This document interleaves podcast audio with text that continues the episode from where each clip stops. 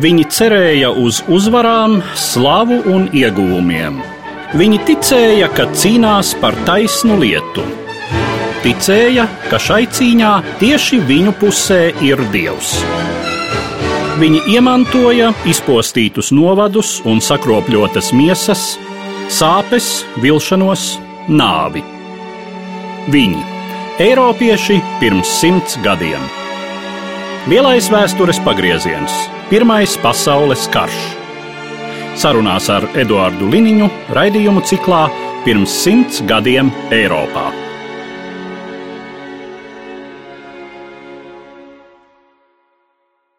Labdien, cienījamie klausītāji! Šodien mēs atkal pievēršamies Pirmā pasaules kara notikumiem. Mans sarunbiedrs studijā - vēsturnieks Dainis Poziņš. Labdien! Labdien! Kas attiecas uz rietumu fronti, tad 1917. Eh, gadā tā joprojām ir diezgan statiska. Tomēr, neskatoties uz to, notiek ievērojams kaujas. Upuriem bagātas, tāpat kā iepriekšējā gadā, un eh, Cik var noprast, tad eh, šai gadā, vismaz gada pirmajā pusē, rietumu frontē aktīvākas joprojām ir Antantes armijas. 1917. gads rietumos un rietumu frontē, ja paskatītos uz karti, patiešām izskatās diezgan statisks laika periods, bet reāli šīs kaujas turpinās ar iepriekšējo intensitāti. Un līdzās šīm kaujām valstu frontes līnijas aizmugurē notiek dažādi ekonomiski un politiski procesi, kuriem gal galā bija ļoti izšķiroša nozīme uz kopējo kara iznākumu. Un tāpēc patiesībā varētu pat teikt, ka 1917. gada notikumi izrādījās diezgan būtiski un izšķiroši, lai Pirmais pasaules karš beidzot tuvotos savam finālam. Diezgan aktīvi rietumfrontē darbojās Franču armija. Francijas armijas virspavēlniecība uzskatīja, ka ir eh, jāturpina aktīva uzbrukuma stratēģija, un šī stratēģija tika saistīta ar eh, ģenerāļa Roberta Nevēla aktivitātēm. Bet Gatavošanās procesi 1917. gada pavasarī šim uzbrukumam bija saistīti ar dažādām domstarpībām par to, kur veikt uzbrukumus, kur izvirzīt prioritātes, taktiskās un strateģiskās, un gal galā virsroku guva Roberts Nevels, kurš uzskatīja, ka Franču armijai jāveic plaši uzbrukumi, un viņš solīja pāraut Vācu frontes līniju un gūt izšķirošus panākumus burtiski pāris dienu laikā. Bet realitāte, kā parasti, izrādās savādāk nekā uz papīra sastādītie plāni. Sākumā militārās operācijas ievadīja Britu armija. Viņi sāka uzbrukumu 9. aprīlī pie Arasas pilsētas, lai piespiestu vāciešus iesaistīt kardarbībā rezerves un atvilkt tās no pozīcijām, kur Francija plānoja savu galveno uzbrukumu, un Franču armija sāka kauju 1917. gada 16. aprīlī. Uzbrukums notika 80 km platā frontes sektorā, kas virzījās gar aiznes upes krastiem šī pozīcija apmēram par spīti tam, kad Vācu pozīcijas tik ļoti intensīvi apšaudītas un kainieki cieši sekoja artilērijas atbalstu ugunī. Franču armija tomēr piedzīvoja ļoti nopietnas zaudējumus, sevišķi arī franču tanku spēki, kas tika izmantot diezgan intensīvi, bet Francija šajās cīņās zaudēja no 132 tankiem 57. Tas patiesībā ir ļoti liels skaitlis un daudz arī iestiga nepiemērotā apvidū. Nevels bija solījis, ka ja uzbrukums neveidosies sekmīgi, ofensīva tiks pārtraukta. Tomēr par to, kas ir sekmīgs vai nesekmīgs uzbrukums, virsniekiem un politiķiem viedoklis atšķīrās. Teiksim, Nivels uzskatīja, ka uzbrukums par spīti grūtībām iet uz priekšu normāli, lai arī zaudējumi ir lieli un tūlīt, tūlīt būs izšķiroša uzvara, bet Vācu armija aizsargājās efektīvi un 20. aprīlī Franču armija bija spiest pārtraukt uzbrukumu, ciešot ļoti nopietnus dzīvā spēku un tehnikas zaudējumus. Nu, tas atstāja diezgan lielu negatīvu iespēju uz morālo, psiholoģisko stāvokli Francijas bruņotajos spēkos, arī Francijas politiskajā un militārajā vadībā izcēlās ļoti nopietnas domstarpības par šī uzbrukuma rezultātiem un par to, kuram tad turpmāk būs jāvada Francijas armija. Kas tad liek Franču armijas komandieriem joprojām cerēt uz sekmīgu uzbrukumu, lai gan nekas tāds nav noticis iepriekšējā gadā. Iepriekšējā gadā tāpat ir bijušas milzīgas kaujas, mēnešiem ilgas uzbrukuma operācijas ar uh, simtiem tūkstošu upuru. It kā šķiet, ka tā ir pietiekami rūkta mācība, lai nemēģinātu to atkārtot vēlreiz politikā un arī militārajā vadības līmenī Francijā bija pietiekami uh, lielas ambīcijas nivelam un izējot no tās informācijas, kas bija viņa rīcībā, šķita, ka uzvaru ir iespējams gūt, bet praksē šie nivela aprēķini izrādījās pilnīgi aplami un Vācijas aizsardzība bija efektīvāka nekā Francijas armija bija cerējusi, un zaudējumi izrādījās gandrīz tikpat lieli, cik iepriekšējā gadā piedzīvoja Briti pie Somas. Un te ir jāpaturprātā, ka šis lielā mērā ir resursu karš, un ar tā laika cīņas paņēmieniem, tehniku, taktiku. Nevienai no pusēm nebija tāda tehniskā un taktiskā pārsvara kaujas laukā, lai gūtu strateģiskus panākumus ātri un viegli. Pušu spēki militāro spēju ziņā bija diezgan līdzīgi, un noteicošais faktors bija tās, kurām ir vairāk resursu, vairāk sabiedrotie, kurš, rupi sakot, var atļauties vairāk zaudēt kuram tas resursu slānis ir biezāks. Tas arī guva uzvaru šajā cīņā. Un 17. gads ir zīmīgs ar to tieši, kad šīs atšķirības pieejamo resursu ziņā sāk izpausties. Vācijas iekšpusē sākās un pastiprinājās ļoti nopietnas pārtikas un izēvielu trūkums. Vācu rūpniecībai bija sarežģīti nodrošināt tehniskos inovācijas militārajā jomā, jo vienkārši trūka nepieciešamo materiālu. Sāk arī trūkt cilvēku, darba spēka resursu un arī civiliedzīvotājiem apgāde ar pārtiku un nodrošināt kļuva aizvien sarežģītāk un sarežģītāk. Protams, ka arī Antānas valstīs resursu deficīts radīja problēmas un lielie zaudējumi radīja neapmierinātību armijā, kas pēc tā sauktā nivela uzbrukuma izpaudās pat diezgan plašos nemieros un ļoti nopietnās represīvos pasākumos kas bija nepieciešama, lai atjaunotu kārtību Francijas armijā. Tā kā 17. gada tie izšķirošie procesi ir klusi, mazāk redzami publiski, bet tie bija pietiekami svarīgi un tieši resursu sadalījumu un puses sāk meklēt, teiksim, Vācijas sabiedrotais Austro-Ungārija sāk zondēt iespējas pārtraukt kara darbību. Vācija bija spiesta sniegt daudz nopietnāku palīdzību savam sabiedrotam cīņā pret Itāliju.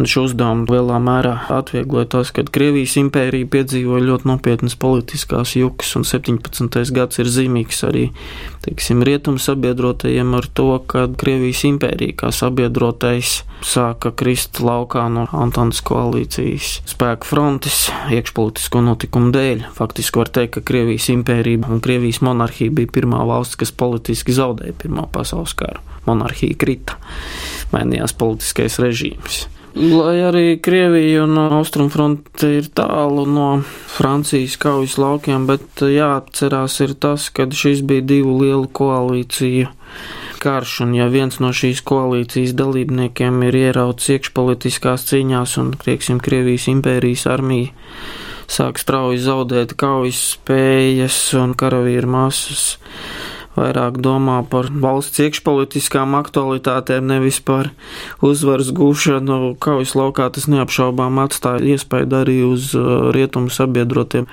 pastāv diezgan stipri pamatots viedoklis, ka Vācijas lēmums sniegt tieši militāru palīdzību Austro-Ungārijai ir saistīts arī ar notikumiem Krievijas impērijā, tāpēc, kad Vācija vaidījās, ka Austrija un Ungārija netiek iekšpolitiski destabilizēta. No otrām kārtām Krievijas armijas problēmas iekšpolitisko juku dēļ ļāva Vācijai izbrīvēt pietiekami normāla apjoma netekmīgus spēkus, lai sniegtu palīdzību Itālijai, kas vēlāk noveda rudenī pie plaši pazīstamās Itālijā labi zināmās Kaporeto kaujas un vēlāk sakojušās militārās katastrofas, kas piemeklē Itāliju. Šie notikumi ir visi cieši saistīti, un otrs ir blakus faktors, kas iespaido rietumu fronti un Antantes sabiedroto stāvokli, ir Amerikas Savienoto Valstu iesaistīšanās karā. Šis process notiek pakāpeniski bet 17. Uh, gads ir zīmīgs ar to rietumu sabiedrotiem rietumu frontē, kad Amerikas bruņoties spēki tieši ierodās Eiropas kontinentā, un tā vairs nav tikai ekonomiska aizmugure, ekonomisks atbalsts Antantes valstīm, tā ir tieši Amerikas militārā klātbūtne Eiropas kontinentā, un tas bija viens no apstākļiem, kāpēc Vācija sāk piedzīvot problēmas militāras. Kā Francijai un uh, Lielbritānijai tajā brīdī izdodas izvairīties no kāda Krievijai līdzīga scenārija.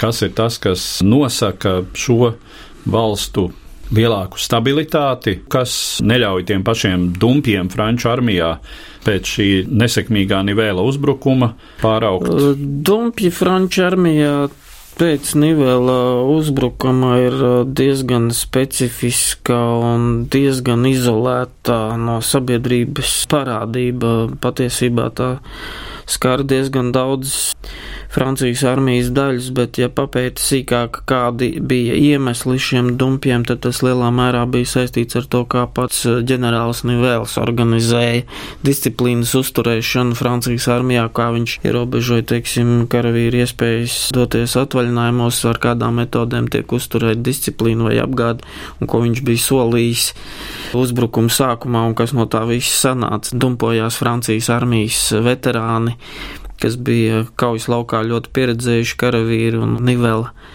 taktika un stratēģija viņiem bija absolūti nepieņemama. Un atšķirībā no Krievijas impērijas, Britu un Franču sabiedrībā, tur bija tie ventiļi, kā nolaist sabiedrībā spiedienu. Un viens no pirmajiem pasākumiem, ko veica jaunais Francijas armijas komandieris, tātad pagarināt atvaļinājumu laiku, uzlabot karavīriem apgādi ar pārtiku, un viņi izmantoja ne tikai represijas, bet, teiksim, Francijas gadījumā bija arī pietiekami daudz ekonomiskai resursu, lai tiešām karavīru stāvokli fronts līnijā uzlabotu un tos primāros iemeslus dumpim novērstu.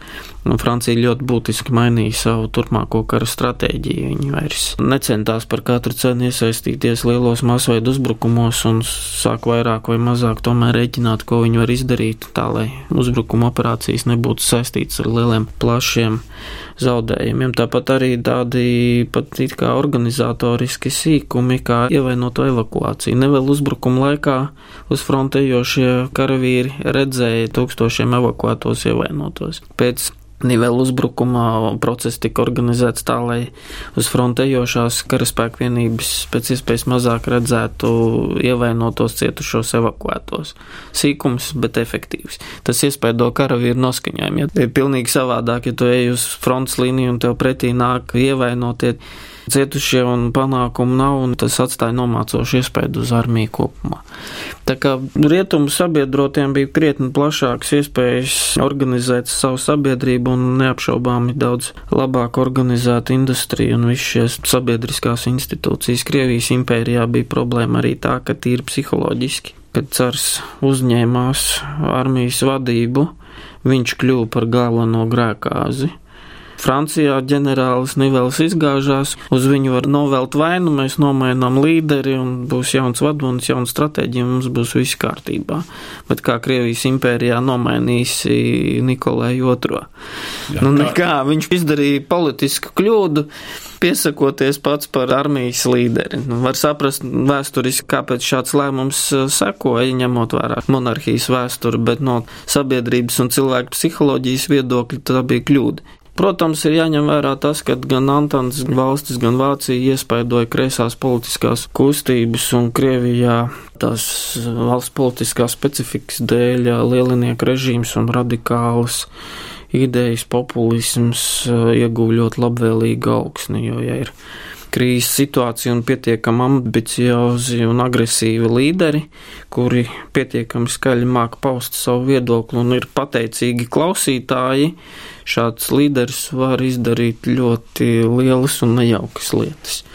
Un tas tā vēsturē ir bijis gan pirms Pirmā pasaules gara, gan pēc tam, un tas arī notiek mūsdienās. Jā, droši vien jārunā ir par uh, tādu sabiedrības imunitāti pret populismu un pret uh, radikālām idejām, kura totalitārismā vai tajā gadījumā patvaldnieciskas varas nedemokrātiskas sistēmas gadījumā sabiedrībā neveidojas. Un uh, tad sabiedrība ir ļoti uzņēmīga pret Nu, arī demokrātiskās sabiedrības, ja ir ilgstoša krīzes situācija un uh, valsts vara nespēja pietiekami efektīvi reaģēt uz šādām krīzes situācijām, tad autoritāri populistiski līderi ar ļoti demokrātiskām metodēm pat vēlēšana rezultātā var ļoti viegli iegūt varu un pagriezt it kā demokrātisku valsti iepriekš pilnīgi totalitāra režīma virzienā. Tāds process bija vērojams pēc Pirmā pasaules kara savā veidā Itālijā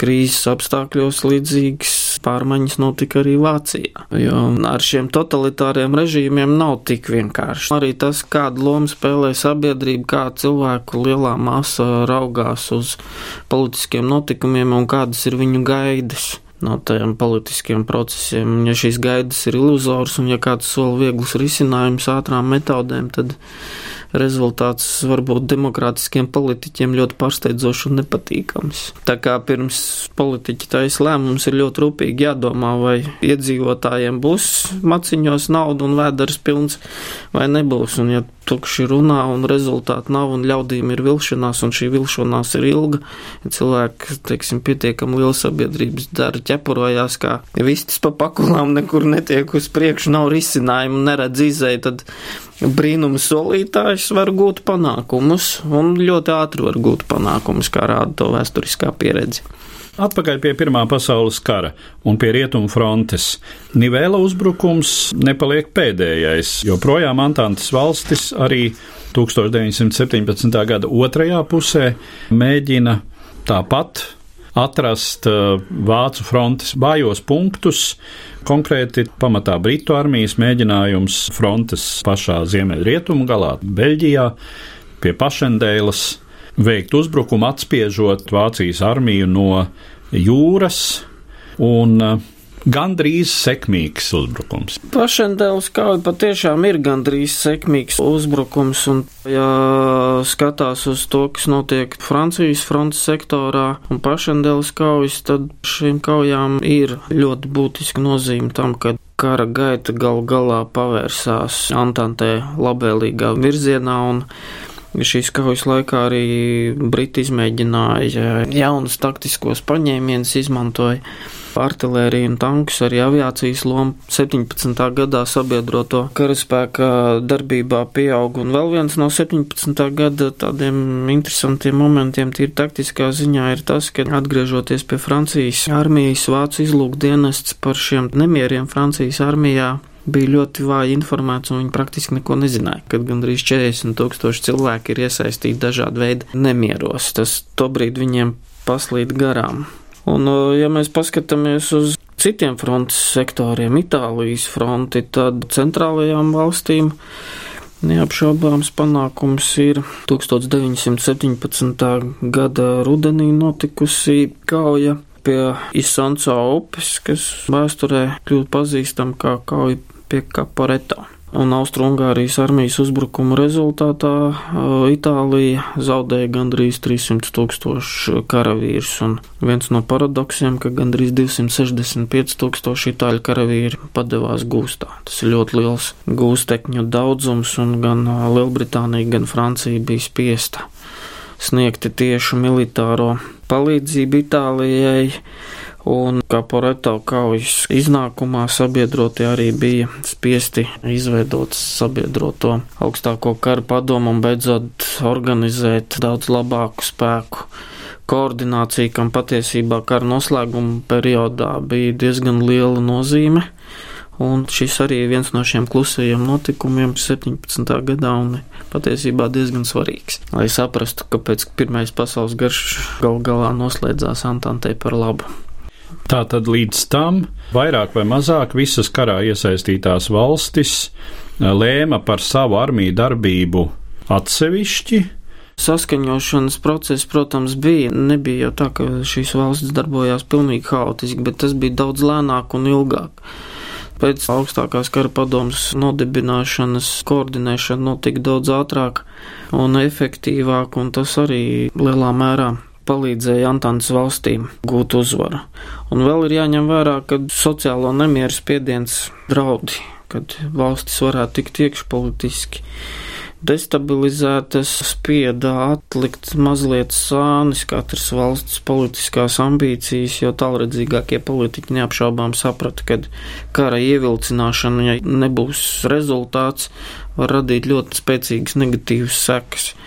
Tas, kas notika Krievijā, patiesībā Eiropas valstu politiķiem un arī abās karojošās pusēs bija diezgan atvēsinošs faktors, jo pēkšņi kļūst skaidrs, ka mēs nevaram karu un politiskās spēles spēlēt, ignorējot iedzīvotāju masu noskaņojumu un, to, kā viņi redz šos procesus, un tāpēc risinājums bija nepieciešams.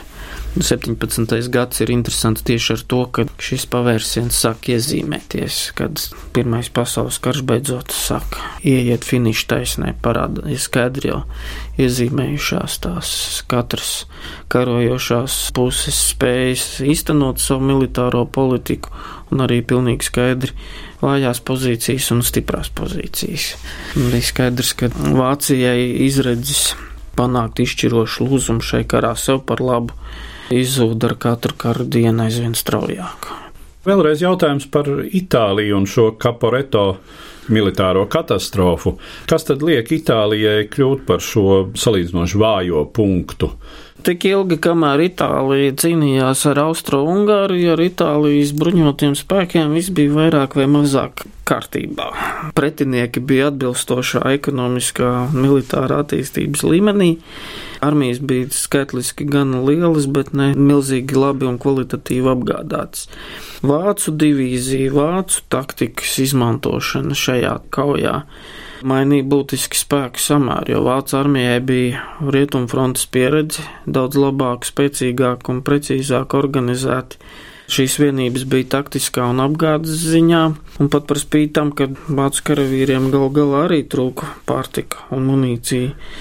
Sastopoties ar Itālijas armiju, Itālijas bruņoties spēki, sākot no komandas struktūra līmeņa līdz pat ierīnas sastāvam, nebija konkurētspējīgi ar to, ko spēja paveikt Vācija. Un, teiksim, Itālijas gadījumā šī sakāve diezgan būtiski arī mainīja pašas Itālijas armijas vadības priekšstatus par savām spējām. Teiksim tā, Kaporeto atgriez Itālijas politiķus un ģenerāļus uz zemes ir viena lieta sapņot par lielām uzvarām, kad tavs pretinieks ir apmēram līdzvērtīgs, un otra lieta, tad, kad sastopies ar reālu lielu valstu un Itālijas militārā politika un karaspēka organizācija paliek krietni piezemētāk, vairāk orientēta uz aizsardzību un arī spiest pārskatīt to, kā tiek eh, izmantot artilērija un tehniskie un dzīvā spēka resursi. Teiksim, Itālijas armija jau gal galā atguvās pie Pāvijas upes viņi apturēja vācu un austriešu uzbrukumu, bet materiālie resursi, kas bija zaudēti Kaporeto kaujā, bija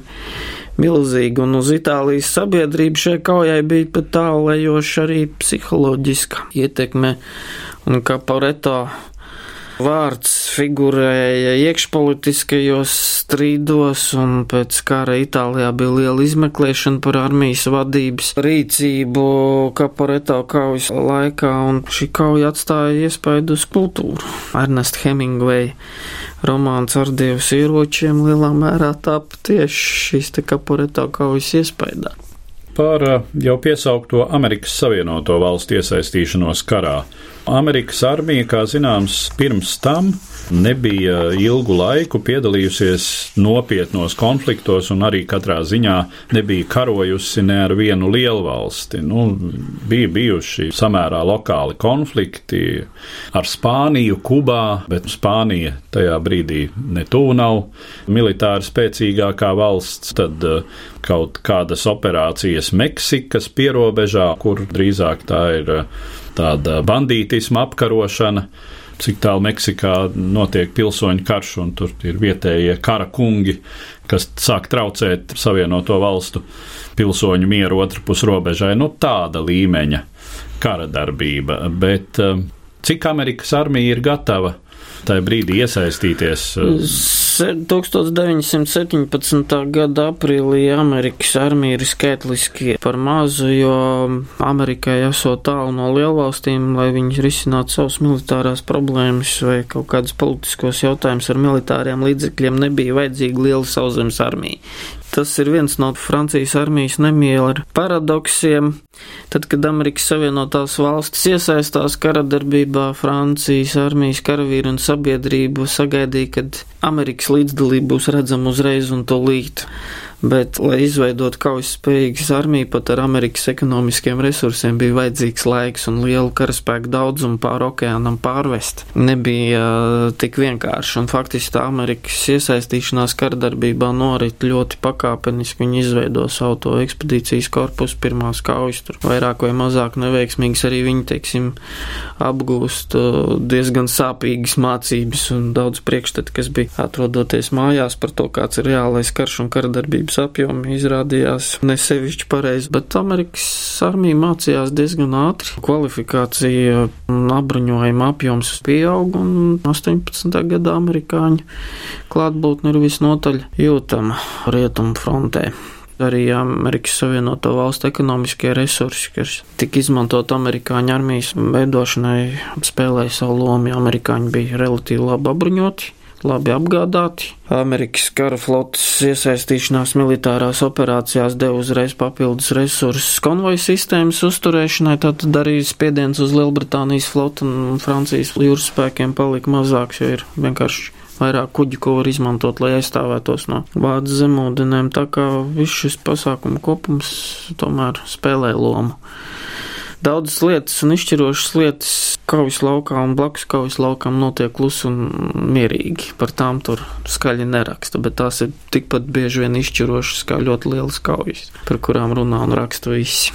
Ja mēs paraugāmies uz situāciju Rietumu frontē 1917. gada beigās, tad kāda tā tobrīd izskatās vienai un otrai karojošajai pusē? Antantas valstīm situācija joprojām ir saspringta. Jo nedrošais un vājais punkts joprojām paliek Krievijas impērijā. 17. gada beigās īsti nav skaidrs, vai Krievija izkritīs galīgi no alianses rindām, vai tomēr paliks kā cīņas spējīga valsts. Nu, gal galā izrādījās, ka Krievija tomēr izstājās pilnīgi no spēles.